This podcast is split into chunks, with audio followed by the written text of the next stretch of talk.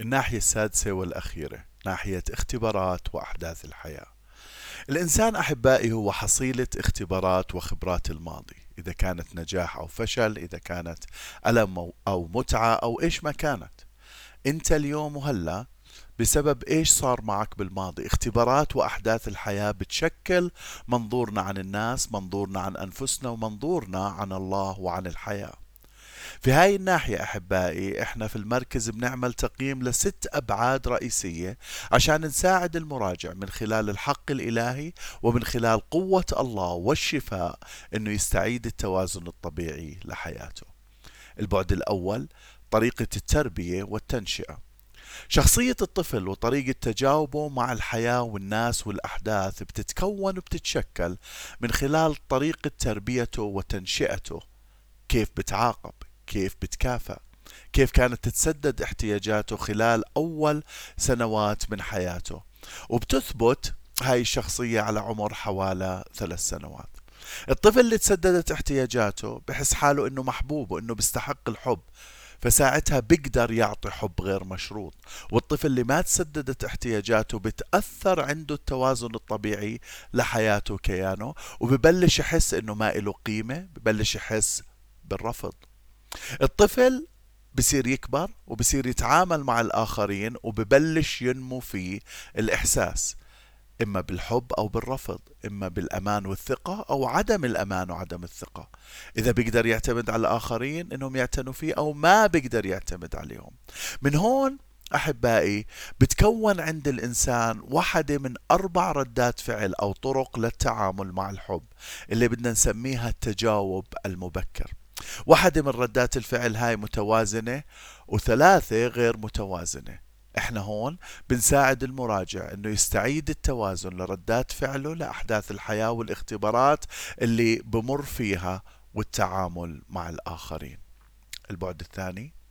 أحداث أدت إلى تعطيل النضوج الطبيعي. في هذا البعد آه، بنقيم إيش الأحداث اللي عملت تأخير أو تعطيل أو تشويه للنضوج الطبيعي إن كانت جسدية إن كانت نفسية عاطفية أو فكرية.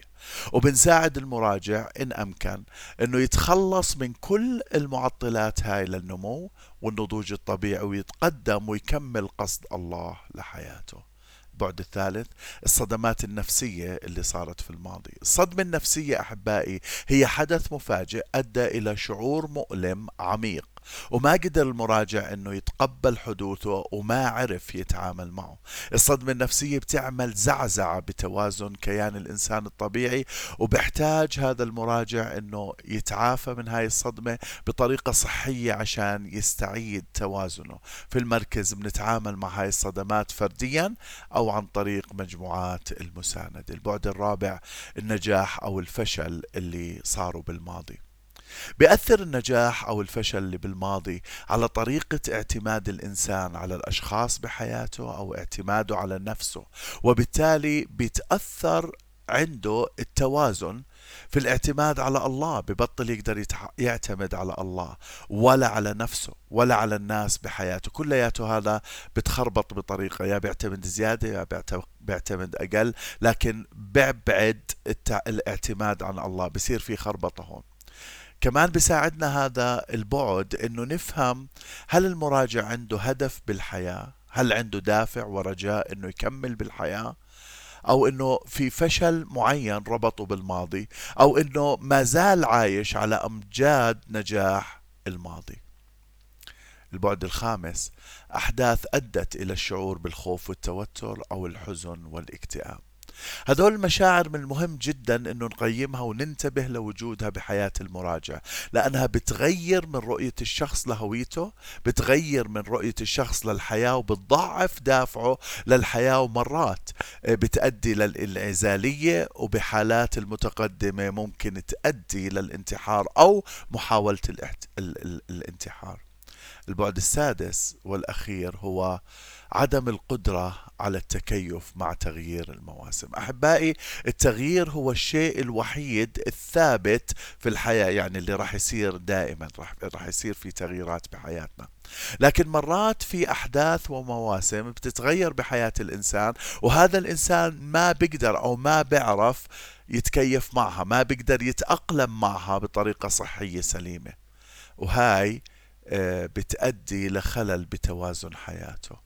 إحنا هنا بالمركز بنساعده إنه يتكيف مع هاي المواسم ومع تغيير هاي المواسم. هيك إحنا بنكون حكينا باختصار أحبائي عن النواحي الست الأساسية في نظام المشورة المسيحية في مركز العائلة المسيحي للمشورة. كل خدماتنا خدمات مجانية. هدفنا نخدم شعب الرب. ولمجد الرب. الرب يبارككم.